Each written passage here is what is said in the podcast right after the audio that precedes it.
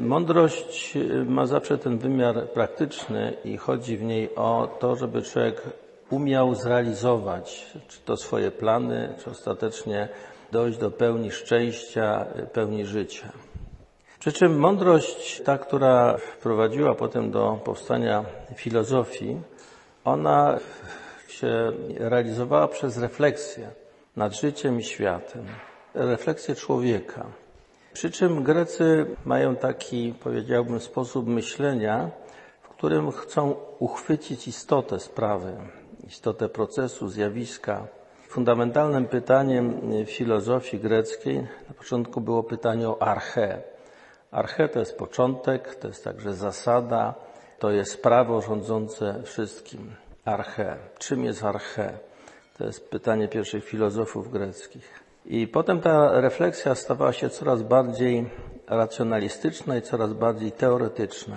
To prowadzi do takiego myślenia głową przedmiotowym, wyciąganie wniosków, łączenia czegoś, co można ująć w pojęcia, w symbole, wyobrażenia, wyciągania z tego wniosków i tak dalej. Myślenie ma charakter abstrakcyjny, a potem w nowożytności, kiedy powstała nauka, ludzie się zachwycili nauką, mieli wyobrażenie takie, że nauka to jest właśnie wreszcie wiedza solidna, mówiąca obiektywnie, co jest czym, jakie prawa rzeczywiście rządzą i tak dalej. I byli zauroczeni tym wszystkim, zachwyceni.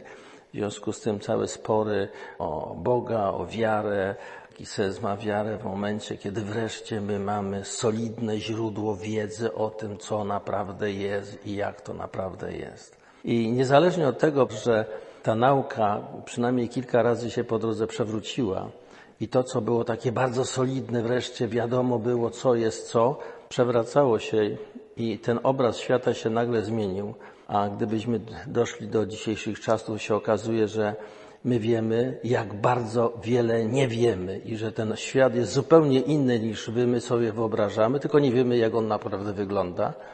I mimo tego, mimo takiego doświadczenia, ciągle ta naukowość, to myślenie takie naukowe jest u podstaw ambicji ludzkiej wiedzy, zdobywania tej wiedzy i tak dalej. Nawet to się przekłada na nauki humanistyczne, co jest w ogóle bezsensem. Ale w związku z tym, z tą naukowością, z tą taką obiektywnością i właściwie przedmiotowym traktowaniem pytań, zagadnień, którymi się nauka zajmuje, czy także refleksja inna, filozoficzna, w tym momencie umyka problem mądrości, bo mądrość nie jest pojęciem ścisłym, które da się łatwo zdefiniować, określić, ale idzie w kierunku wiedzy, idei, obiektywnych jakichś norm, zasad, przedmiot, w każdym razie jest to wiedza przedmiotowa. Natomiast mądrość w, w sensie biblijnym ma zupełnie inny charakter, dlatego że jej źródłem jest Bóg, jedyny mądry. Dlatego źródłem objawienia i źródłem mądrości jest objawienie. Bóg się objawia. Mądrość pochodzi od Niego, stąd podstawową postawą jest wsłuchanie się w Jego głos, w Jego naukę. I fundamentalnym pytaniem nie jest, jaka jest istota człowieka, jakie są jego zdolności, możliwości, jaka jest metafizyka tych istnień, ale jest to, jaka jest relacja Boga do człowieka. Stąd najważniejsze wydarzenie Starego Testamentu to jest przymierze. Przymierze z Bogiem. Więź osobowa, oparta na przysiędze, na zobowiązaniu. I to wymaga zupełnie innego myślenia, to, które według Biblii jest myśleniem sercem.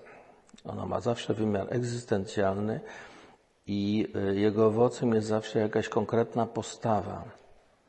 Mądrość polega na żywej relacji z Bogiem, żywej więzi. Przytoczę tutaj fragment psalmu, właściwie początek psalmu 14. Zresztą on się powtarza w, pod numerem 53. Mówi głupi w sercu swoim, nie ma Boga. Oni są zepsuci, ohydne rzeczy popełniają. Nikt nie czyni dobrze. Pan spogląda z nieba na synów ludzkich, badając, czy jest wśród nich rozumny, który szuka Boga. Szukanie Boga jest przejawem mądrości. I teraz mówiliśmy o tym, że od strony ludzkiej taką postawą, która daje przystęp do mądrości, jest bojaźń Boża, która też w całej historii biblijnej ewoluuje, poczynając od trwogi, tego doświadczenia tremendum w spotkaniu ze sakrum, do postawy uwielbienia zachwytem nad Bożą miłością, Bogą łagodnością, dobrocią. W każdym razie bojaźń Boża jest początkiem mądrości. Jest od strony człowieka właśnie źródłem poznania Bożej mądrości. Tak to mniej więcej w skrócie to, co wczoraj starałem się powiedzieć. Natomiast y, wracając do tego przymierza, to warunkiem przymierza, tej więzi, jest wzajemne zobowiązanie. Bóg się zobowiązuje do błogosławienia Izraelowi, ludowi Bożemu, ale jednocześnie zobowiązuje Izraela do wypełniania prawa. I tutaj spotykamy się z taką swoistą właśnie szkołą mądrości. Przy czym w Księdze Powtórzonego Prawa, tutaj trzeba może wspomnieć, że ta księga powstała prawdopodobnie około VI wieku, w okresie niewoli babilońskiej albo tuż po niej. Ona jest jakby takim spojrzeniem już troszeczkę z perspektywy wieków na to, co się dokonało przez przymierze i prawo, które Bóg y, dał.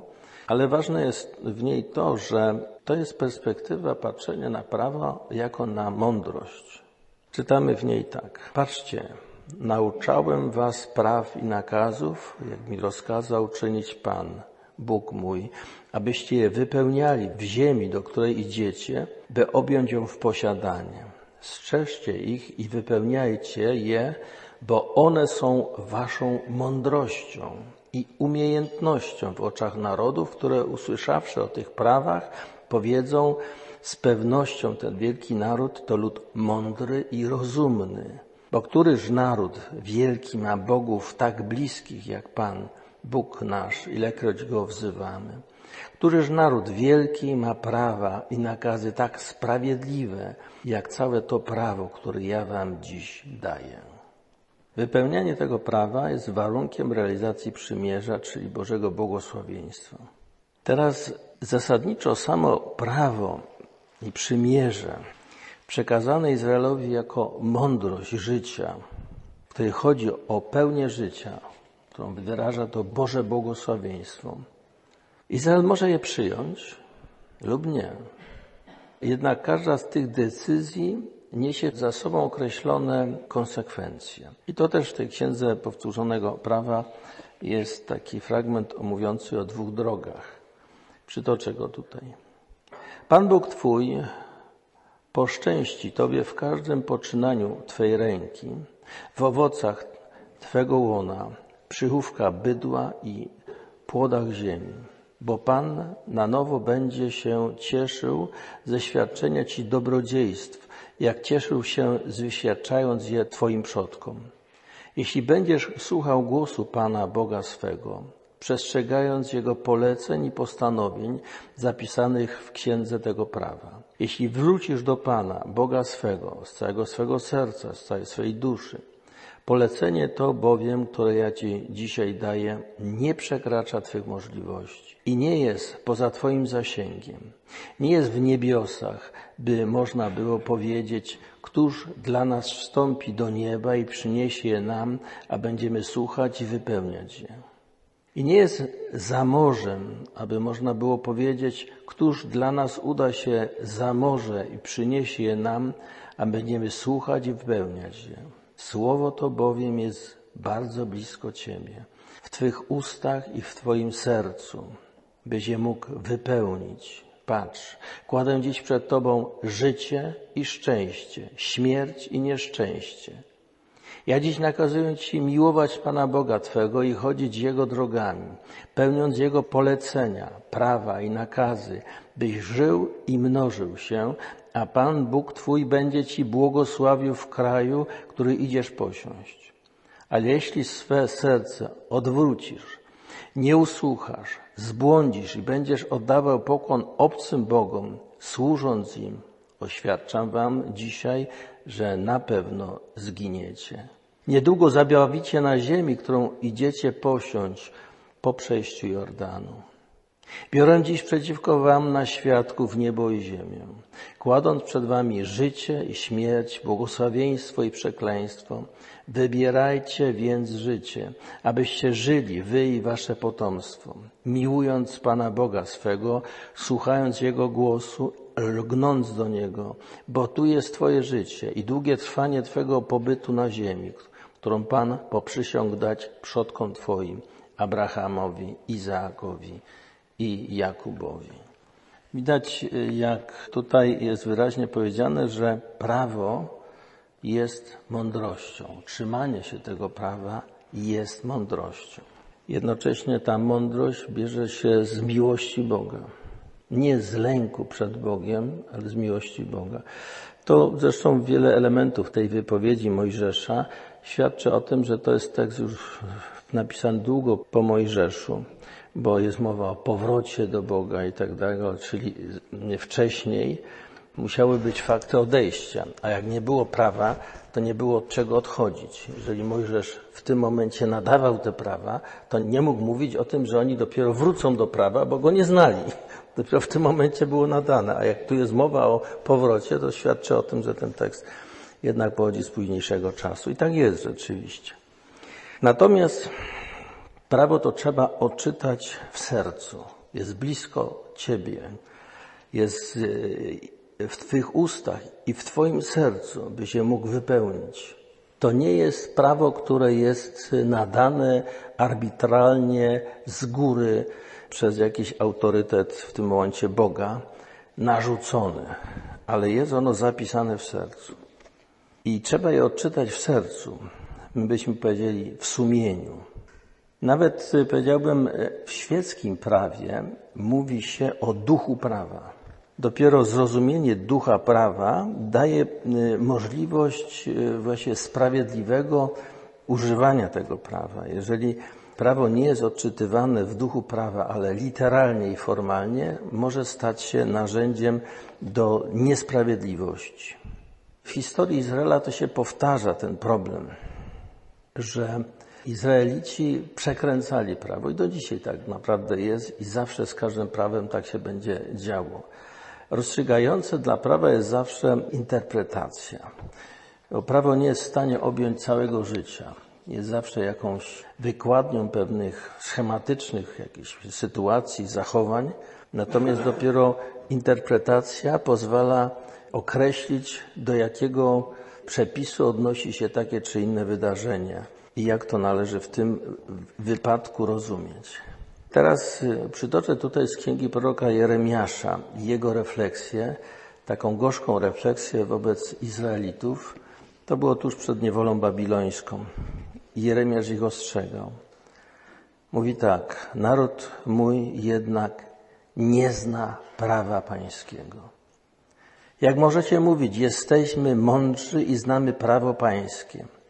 Prawda, lecz w kłamstwo je obróciło kłamliwe pióro pisarzy. Mędrcy będą zawstydzeni, zatrwożą się i zostaną pojmani. Istotnie orzucili słowo pańskie, a mądrość na co im się przyda. Tu chodzi o właśnie o to przekręcanie sensu znaczenia prawa i właśnie wykorzystania ich do swoich własnych interesów. Taki jest tenor tego wszystkiego. Ale potem jednak Jeremiasz zapowiada, zapowiedział tą niewolę. Później jednak, kiedy ona się stała faktem, Jeremiasz e, pisze taką przepowiednię odnoszącą się do odnowienia. Oto nadchodzą dni wyrocznie Pana, kiedy zawrę z domem Izraela, z domem judzkim nowe przymierze. Nie jak przymierze, które zawarłem z ich przodkami, kiedy ująłem ich za rękę, by wyprowadzić z ziemi egipskiej. To moje przymierze złamali, mimo że byłem ich władcą, wyrocznia Pana. Lecz takie będzie przymierze, jakie zawrę z domem Izraela po tych dniach. wyrocznie Pana. Umieszczę swe prawo w głębi ich jestestwa i wypiszę na ich sercu. Będę im Bogiem, oni zaś będą mi narodem. I nie będą się musieli wzajemnie pouczać jeden mówiąc do drugiego, poznajcie prawa Pana.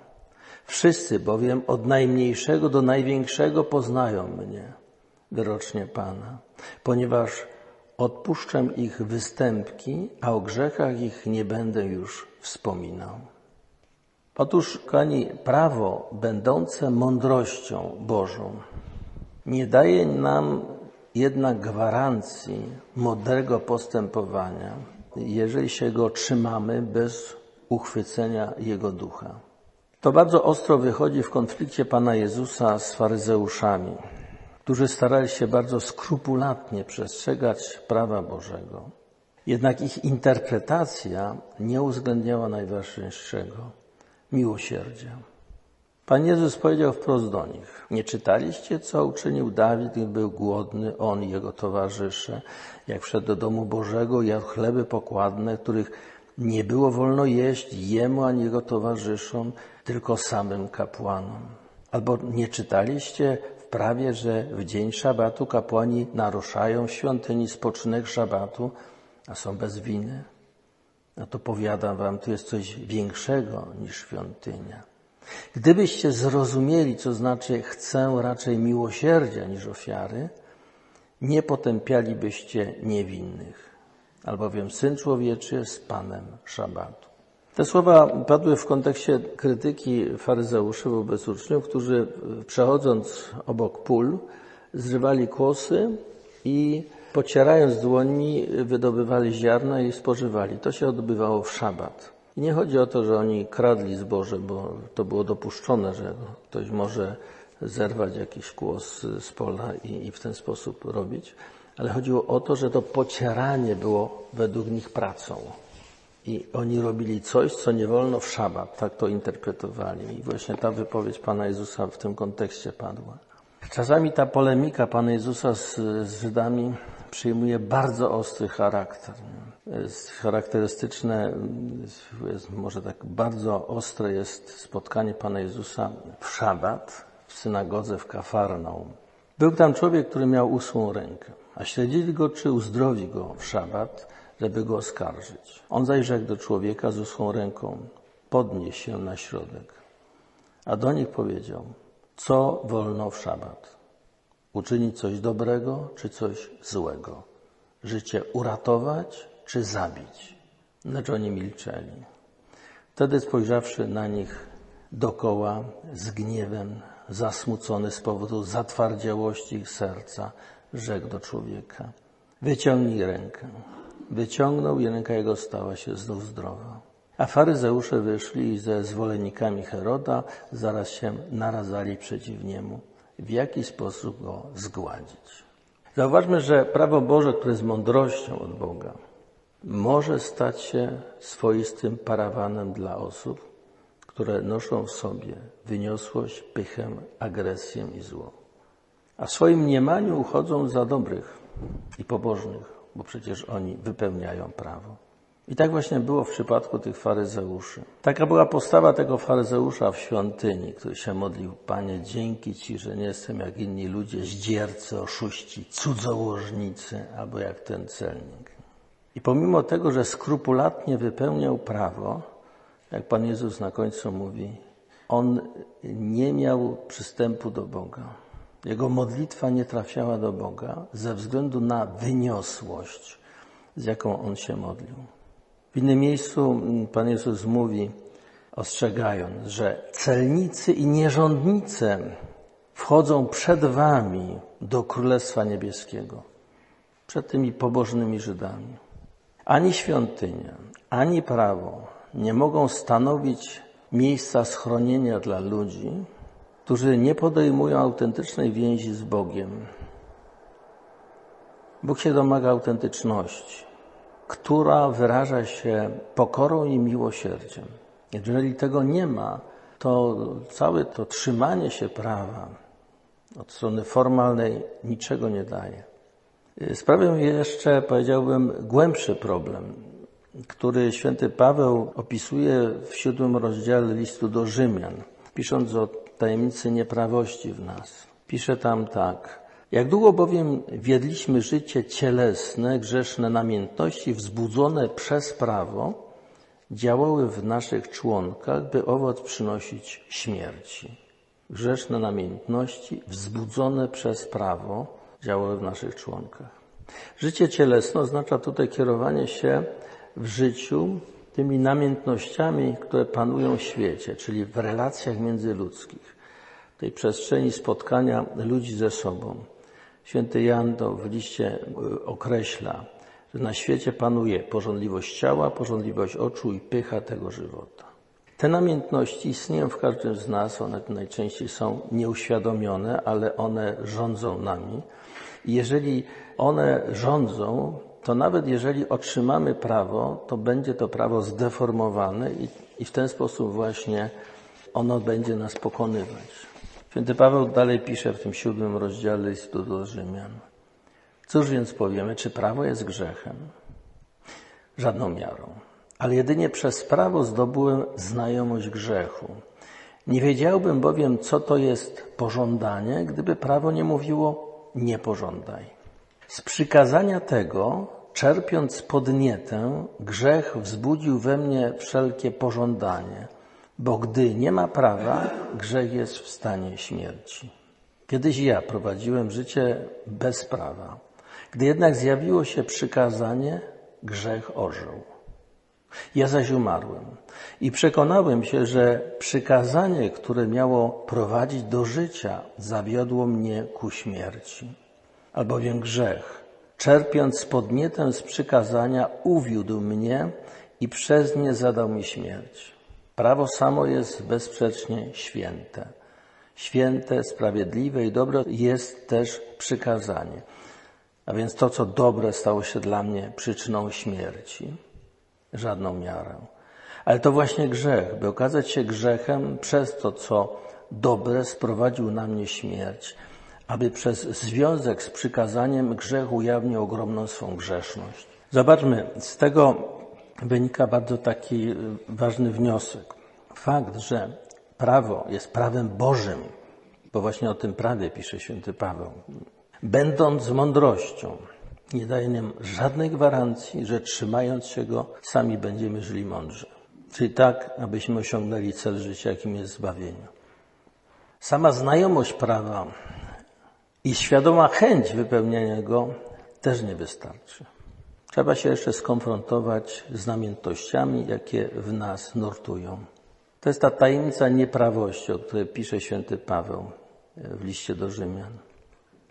To dobrze ilustruje tą postawę tego faryzeusza w świątyni, który się tak modlił wzniośle. On się nie skonfrontował z tą namiętnością, która w nim istniała, stąd mniemając, że jest mądry, bo się trzyma prawa, nie dochodzi do celu, do spotkania z Bogiem.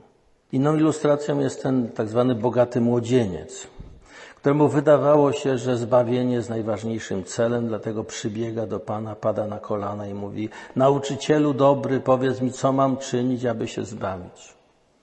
Kiedy Pan Jezus tam po krótkim dialogu powiedział: No, wypełniaj przykazania. On mówi: Nauczycielu, wszystkiego tego przestrzegam od mojej młodości. I Pan Jezus wtedy mu odpowiada: Jednego ci brakuje. Idź, sprzedaj wszystko, co masz, rozdaj ubogim, a będziesz miał skarb w niebie. Potem przyjdź i chodź za mną.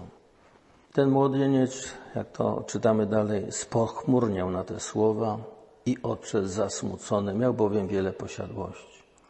Pokonał go lęk o siebie, o swoje bezpieczeństwo, które miał dzięki posiadaniu dóbr.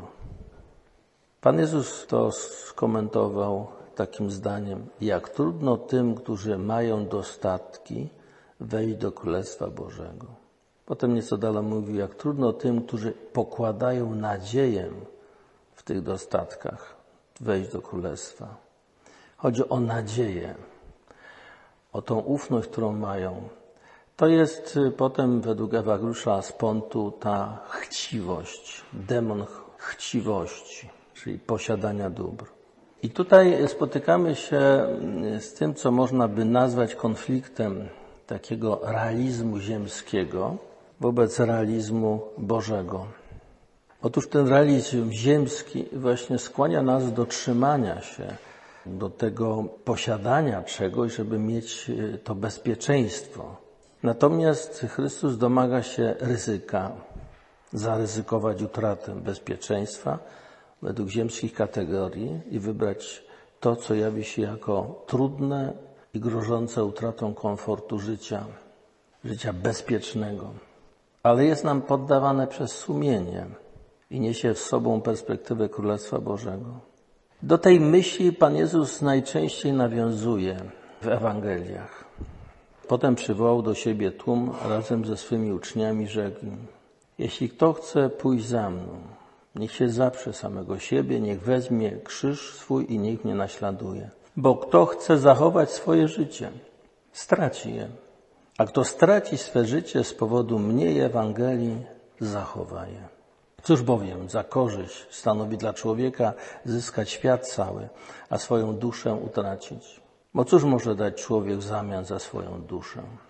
Jeśli mądrością nazwiemy faktyczny wybór i postępowanie prowadzące do zbawienia, to jest nią wybór krzyża, według tej wypowiedzi Pana Jezusa. Utrata życia ze względu na Chrystusa i Ewangelię, gdyż jedynie wówczas możemy osiągnąć życie prawdziwe, czyli życie wieczne. To jednak oznacza konieczność przełamania w nas lęku i namiętności, jakie nami sterują i powodują, że nawet kierując się prawem, potrafimy robić coś, co nie ma nic wspólnego jego sensem i celem. Jednak to przychodzi jako wezwanie w określonej sytuacji życiowej.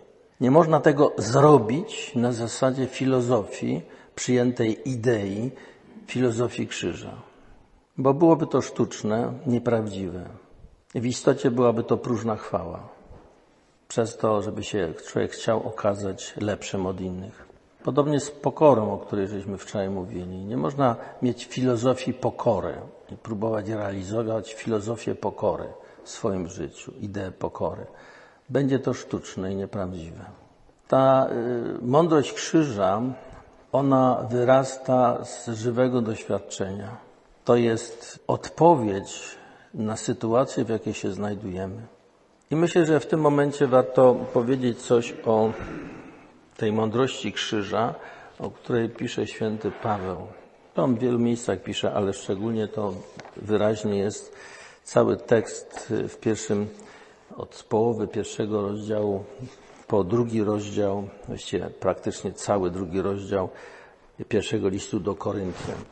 I teraz, kochani, tak naprawdę powinienem ten tekst przeczytać cały, bo on jest bardzo piękny i trochę go omówić.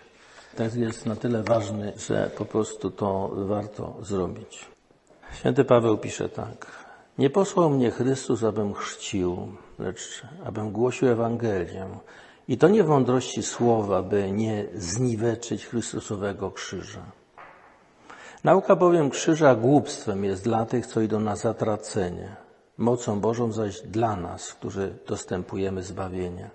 Napisane jest bowiem, wytracę mądrość mędrców, a przebiegłość przebiegłych zniweczę. Gdzie jest mędrzec, gdzie uczony, gdzie badacz tego świata? Czyż nie uczynił Bóg mądrości świata głupstwem? Skoro bowiem świat przez mądrość nie poznał Boga w mądrości Bożej, spodobało się Bogu przez głupstwo głoszenia słowa zbawić wierzących. Tak więc, gdy Żydzi żądają znaków, a Grecy szukają mądrości, my głosimy Chrystusa ukrzyżowanego, który jest zgorszeniem dla Żydów, a głupstwem dla pogan. Dla tych zaś, którzy są powołani, tak spośród Żydów, jak i spośród Greków, Chrystusem, mocą Bożą i mądrością Bożą. To bowiem, co jest głupstwem u Boga, przewyższa mądrością ludzi, a co jest słabe u Boga, przewyższa mocą ludzi. Przeto przypatrzcie się, bracia, powołaniu waszemu. Według oceny ludzkiej niewielu tam mędrców, niewielu mądrych, niewielu szlachetnych urodzonych. Bóg wybrał właśnie to, co głupie w oczach świata, by zawstydzić mędrców. Wybrał to, co niemocne, aby mocnych poniżyć. I to, co nieszlachetnie urodzone według świata oraz wzgardzone, i to, co w ogóle nie jest, wyróżnił Bóg, by to, co jest, unicestwić. Tak by się żadne stworzenie nie chełpiło wobec Boga. Przez Niego bowiem jesteście w Chrystusie Jezusie, który stał się dla nas mądrością od Boga i sprawiedliwością i uświęceniem i odkupieniem, aby, jak to jest napisane, w Panu się chlubił ten, kto się chlubi. Tak też i ja przyszedłem do Was, bracia, nie przybyłem, aby błyszcząc słowem i mądrością głosić Wam świadectwo Boże. Postanowiłem bowiem, będąc wśród Was, nie znać niczego więcej jak tylko Jezusa Chrystusa i to ukrzyżowanego. I stanąłem przed Wami w słabości i w bojaźni i z wielkim drżeniem, a mowa moja i moje głoszenie nauki nie miały nic z uwodzących przekonywaniem słów mądrości, lecz były ukazywaniem ducha i mocy, aby wiara wasza opierała się nie na mądrości ludzkiej, lecz na mocy Bożej. A jednak głosimy mądrość między doskonałymi, ale nie mądrość tego świata, ani władców tego świata, zresztą przemijających, lecz głosimy tajemnicę mądrości Bożej, mądrość ukrytą, tę, którą Bóg przez wiekami przeznaczył ku chwale naszej, tę, której nie pojął żaden z władców tego świata, Gdyby ją bowiem pojęli, nie ukrzyżowaliby Pana chwały. Lecz właśnie nauczamy, jak zostało napisane. Ani oko nie widziało, ani ucho nie słyszało, ani serce człowieka nie zdołało pojąć, jak wielkie rzeczy przygotował Bóg tym, którzy Go miłują. Nam zaś objawił to Bóg przez Ducha. Duch przenika wszystko, nawet głębokości Boga samego. Kto zaś z ludzi zna to, co ludzkie, jeśli nie Duch, który jest w człowieku? Podobnie i tego, co boskie, nie zna nikt, tylko Duch Boży. Otóż myśmy nie otrzymali ducha świata, lecz ducha, który jest z Boga dla poznania dobra, jakim Bóg nas obdarzył. I głosimy to nie za pomocą wyszukanych słów ludzkiej mądrości, lecz korzystamy z pouczeń ducha, przedkładając duchowe sprawy tym, którzy są z ducha. Człowiek zmysłowy bowiem nie pojmuje tego, co jest z Bożego Ducha. Głupstwem mu się to wydaje i nie może tego pojąć, bo tylko duchem można to zrozumieć. Człowiek zaś duchowy rozsądza wszystko, lecz sam przez nikogo nie jest sądzony. Któż więc poznał zamysł Pana, tak by go mógł pouczyć? My właśnie znamy zamysł Chrystusowy. Niechaj się nikt nie łudzi.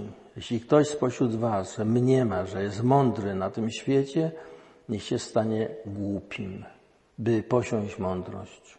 Mądrość bowiem tego świata jest głupstwem u Boga. Zresztą jest napisane, On udaremnia zamysły przebiegłych. Kani, ten tekst święty Paweł pisze do Koryntian, przy czym warto zwrócić uwagę na jego osobiste doświadczenie. Mianowicie święty Paweł przyjechał do Koryntu z Aten. Tam w Atenach trochę się nudził, chodził po tych Atenach, oglądał wszystko i w pewnym momencie go tam, ponieważ on mówił trochę o Chrystusie i tak dalej, komu mógł, zaproszono go na Araopag, miejsce, gdzie się spotykali filozofowie i dyskutowali o sprawach właśnie mądrości. I prosili go, żeby on coś powiedział, bo tam zaczyna coś mówić, żeby przyszedł jakiś nowinkarz, więc niech powie, co, co on za nowinę, co za naukę przynosi. I w 17 rozdziale dziejów apostolskich jest opisana wspaniała, retorycznie przygotowana, doskonale mowa świętego Pawła skierowana do filozofów. Święty Paweł doskonale tam podszedł do nich, nawiązując do ich poety, mówi tak, że Bóg jest twórcą świata i wszystkiego, jest tylko jeden, On jest naszym Ojcem, jest On niedaleko od każdego z nas, w Nim bowiem żyjemy, poruszamy się i jesteśmy. I na końcu mówi, ten Bóg wyznaczył dzień sądu, który przeprowadzi posłany przez Niego człowiek, którego uwiarygodnił przez wskrzeszenie z martwych. I kiedy on powiedział o tym wskrzeszeniu z martwych, tam jest użyte greckie słowo anastazis, oni to od razu zrozumieli jako wzbudzenie, ponowne wzbudzenie do życia jego ciała. Powiedzieli mu, gdy usłyszeli o zmartwychwstaniu, jedni się wyśmiewali, inni powiedzieli, posłuchamy Cię o tym innym razem.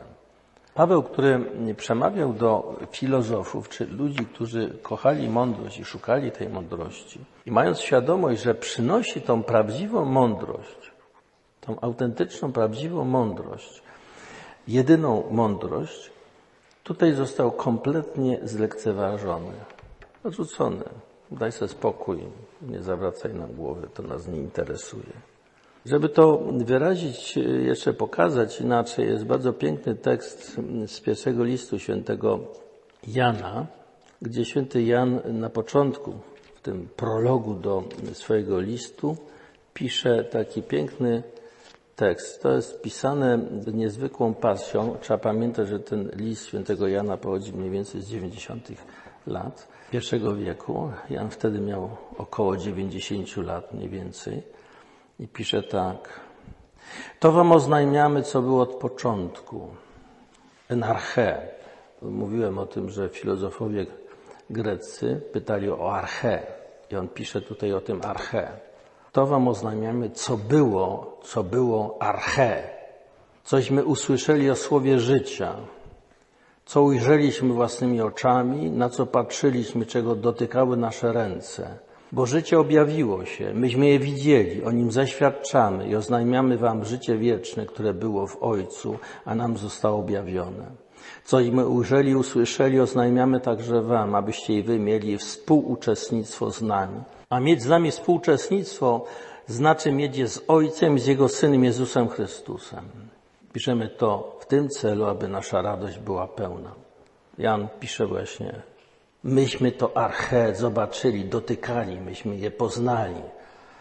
To, co greccy filozofowie szukali, co to jest arche, chcieli go poznać. Myśmy to widzieli, dotykaliśmy to i wam przekazujemy, dajemy to arche po to, abyście mieli współuczestnictwo. Tam jest użyte słowo koinonias, chemas, to znaczy mieć z nami komunię, abyście mieli komunię z nami, a mieć komunię z nami to mieć je, no, komunię z arche, czyli z Bogiem, który jest Ojcem i Synem. To jest udział w tym arche. To jest pasja świętego Jana. I święty Paweł miał to samo, tą, tą samą wiedzę, tą samą świadomość, nie? Że on przynosi to, co jest ich, co ich nurtowało jako pytanie, jako dążenie. On im to przynosi. I co? Posłuchamy Cię innym razem, daj sobie spokój. Z Aten on pojechał do Koryntu. Korynt był miastem portowym ludzi, którzy chcieli się dorobić, też miastem rozrywki, rozpusty, stąd też nazwa Córy Koryntu, no dzisiaj jeszcze funkcjonujące. Więc to było to środowisko raczej dalekie od szukania mądrości, powiedzmy sobie delikatnie. I właśnie w tym miejscu święty Paweł znalazł wielu słuchaczy. W dziejach apostolskich, potem w osiemnastym rozdziale czytamy tak. Bóg mówi do niego, przestań się lękać, a przemawiaj i nie milcz, bo ja jestem z tobą i nikt nie targnie się na ciebie, aby cię skrzywdzić, dlatego że wiele ludu mam w tym mieście. Nie w Atenach, tam gdzie byli filozofowie, ale w tym mieście. I stąd w tym kontekście trzeba widzieć ten cały tekst z pierwszego i drugiego rozdziału pierwszego listu do Korynty. Gdzie jest mędrzec? Gdzie uczony? Gdzie badacz tego świata? Czyż nie uczynił Bóg mądrości świata głupstwem? Skoro bowiem świat przez mądrość nie poznał Boga w mądrości Bożej, spodobało się Bogu przez głupstwo głoszenia słowa zbawić wierzących. To jest y, taki niesamowity tekst. I dalej pisze, dla Żydów mądrość krzyża jest przeszkodą. Tam jest użyte słowo zgorszeniem. Po grecku słowo skandalon. I to samo słowo występuje na przykład w momencie, kiedy Cezarei Filipowej jest dialog Pana Jezusa ze swoimi uczniami. Pan Jezus pyta ich, a wy za kogo mnie uważacie? I Piotr mówi, ty jesteś Mesjasz. I Pan Jezus mówi mu, to nie wiesz sam z siebie, to nie ciało i krew ci objawiło, tylko wiesz to od Ojca, od Boga. A za chwilę potem, kiedy mówił o tym, że będzie wydany w ręce ludzi, zostanie skazany na śmierć i właśnie umrze, święty Piotr go bierze na bok i mówi, ależ nie przyjdzie to na ciebie. Odpędź od siebie te, te, te czarne myśli. Ty jesteś Mesjasz, ty musisz zwyciężyć. Nie? I Pan Jezus mówi, zejdź mi z oczu szatanie, bo jesteś mi, i właśnie tam jest użyte to słowo skandalon, zejdź mi z oczu, bo jesteś dla mnie przeszkodą. Zawadą, która nie pozwala mi pójść tą drogą, którą mam iść. Nie? Dla Żydów właśnie krzyż jest przeszkodą. Do dzisiaj tak jest. Dlatego, że napisane jest w Księdze Powtórzonego Prawa przeklęty, kto zawisł na drzewie. Przeklęty, kto zawisł na drzewie. A Mesjasz przecież nie może być przeklęty. W związku z tym dla Żydów ortodoksyjnych krzyż jest bluźnierstwem. Dlaczego? Bo my twierdzimy, że Mesjasz żydowski umarł na krzyżu, zawieszony na krzyżu. Dlatego dla nich jest to bluźnierstwo. To samo zresztą dla Mahometa. Oni przyjęli tą logikę żydowską. W tym kontekście trzeba widzieć to, że spodobało się Bogu przez głupstwo głoszenia słowa zbawić świat. Żydzi żądają znaku. Pan Jezus, to spotykał Pan Jezus z takim żądaniem. Mówi, żaden znak nie będzie temu plemieniu dany, poza znakiem Jonasza, czyli właściwie znakiem zmartwychwstania. Natomiast cały problem polega na tym, że Żydzi byli bardzo mocno określeni przez tą swoją tradycję i swoje rozumienie. Co Bóg mówi, jak mówi, jaki ma być Mesjasz, jaka jest obietnica, jak to się wyrażało. Ponieważ oni wiedzieli, jaki ma być Mesjasz, ten Mesjasz, który przyszedł od Boga, im nie pasował do tego, w związku z tym go odrzucili. Mało tego, że odrzucili, go zabili w końcu. Natomiast dla greckich filozofów y, śmierć na krzyżu była znakiem przegrania. No cóż, no, próbował coś mądrego głosić, ale potem został zgładzony, no po prostu, czyli ta jego filozofia się na nic nie przydała. Natomiast y, w tej mądrości krzyża zawiera się właśnie jakiś taki jakby skandal, polegający na tym, że Bóg przełamuje wszelkie już przyjęte z góry założenia, koncepcje, normy, które człowiek w sobie nosi i przychodzi zupełnie inaczej. To jest charakterystyczne dla Boga. Bóg przychodzi inaczej niż y, byśmy sobie wyobrażali i tego się spodziewali. Przychodzi inaczej. I dlatego jest potrzebne otwarcie na żywe Słowo Boże, na żywą Bożą obecność, na to przyjście, które będzie inne niż nasze oczekiwania. Jednocześnie w tej naszej niewierze zawiera się szukanie takiej pewności. Człowiek szuka ratunku wiedzy. Żydzi właśnie szukali znaku, który byłby dowodem na to, że Jezus jest Mesjaszem, a Grecy szukali właśnie wiedzy. Wiedzy, która byłaby dla nich właśnie takim przekonaniem. A ponieważ oni uważali, że właściwie ciało to jest więzienie ducha, upraszczając trochę, no to gadanie o tym, że ciało zmartwychwstanie w ogóle było bez sensu dla nich. Oni wiedzieli, że to nie jest ta perspektywa. To nie o to chodzi. Stąd właśnie zupełnie inne oczekiwanie, bo Bóg przychodzi inaczej. Bóg przychodzi z czymś, co przekracza, już żeśmy czytali, świętego Pawła, przekracza nasze wyobrażenia, oczekiwania. Bóg przychodzi z czymś, co całkowicie przekracza tą naszą wiedzę i to, co moglibyśmy sobie wymyślić. Tutaj y, dotykamy tajemnicy tego, co się zaczynał w samym grzechu rajskim. Na czym polega ten grzech? On y, polega na podważeniu w człowieku takiej dziecięcej ufności w stosunku do Boga. Źródłem wiedzy przestaje być Bóg, Jego Słowo, pouczenie, natomiast zaczyna człowiek szukać wiedzy w przedmiotach. To podważanie nastąpiło przez słowa y, węża. Na pewno nie umrzecie, ale wie Bóg, że gdy spożyjecie owoc tego drzewa, otworzą się wam oczy i tak jak Bóg będziecie znali dobro i zło. Będziecie mieli tą wiedzę pełną, która daje władzę. Wtedy niewiesta spostrzegła, że drzewo to ma owoce dobre do jedzenia, że jest ono rozkoszą dla oczu i że owoc tego drzewa nadaje się do zdobycia wiedzy. I stąd zerwała ten owoc, skosztowała i dała swojemu mężowi.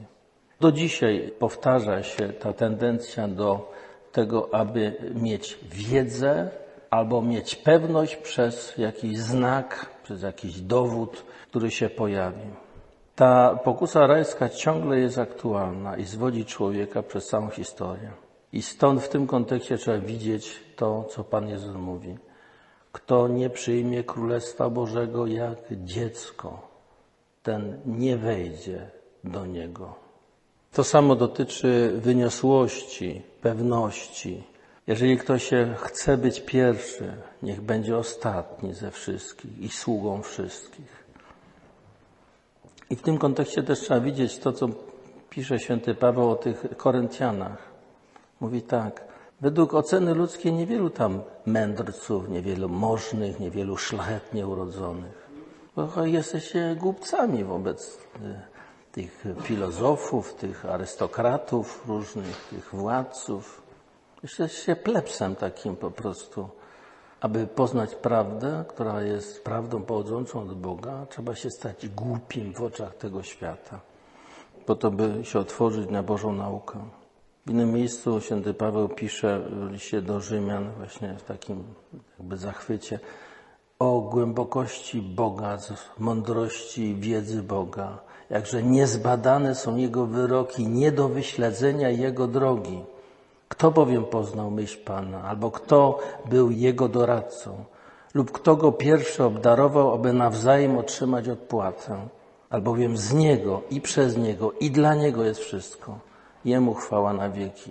Pan Bóg przychodzi z czymś, co nas kompletnie przerasta. Jeżeli my nie otworzymy się na tą nowość, całkowitą nowość, zamkniemy się w tych kategoriach, które nosimy w sobie, to przegramy to spotkanie. Dlatego też święty Paweł, przychodząc do Koryntian, ma zupełnie inną postawę niż na Areopagą. Mówi, nie przychodzę, aby błyszcząc słowem i mądrością głosić wam świadectwo Boże, ale przemawia mając w pamięci Chrystusa i to ukrzyżowanego. I przemawia z, z ducha i mocy.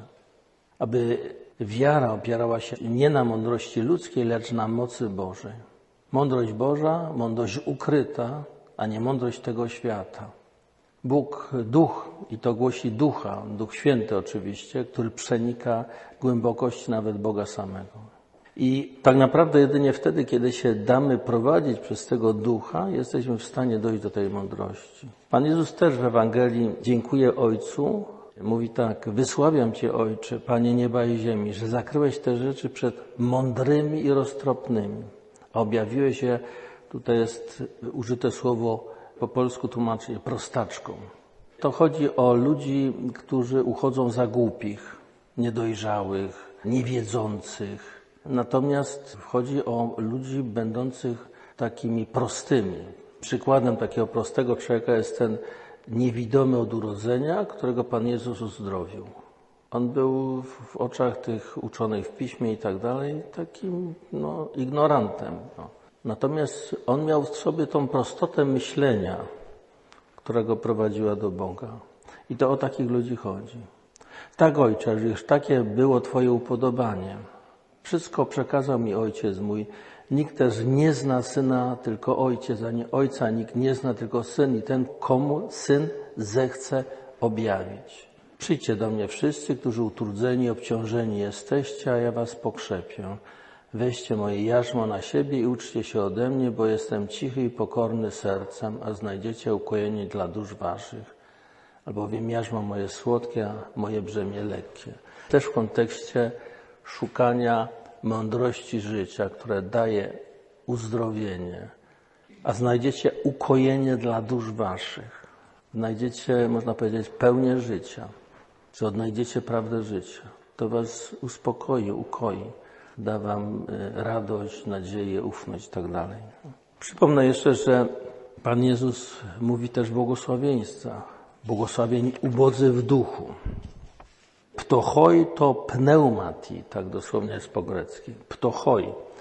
To choć to jest właśnie też można tłumaczyć jako człowieka właśnie pozbawionego czegoś, człowieka, któremu czegoś brakuje, który też jest żebrakiem, który prosi o coś, prosi o jałmużnę, prosi o datek, ale w tym wypadku to hoj to pneumati, czyli ubogi w duchu, to jest taki, któremu brakuje mądrości po prostu i który prosi o tą mądrość. Czyli to harmonizuje z tym prostaczkiem, czy z tym dzieckiem, który jest tylko uczniem, a nie jest tym, kto mniema, że wie, że jest y, uczony, że jest mądry.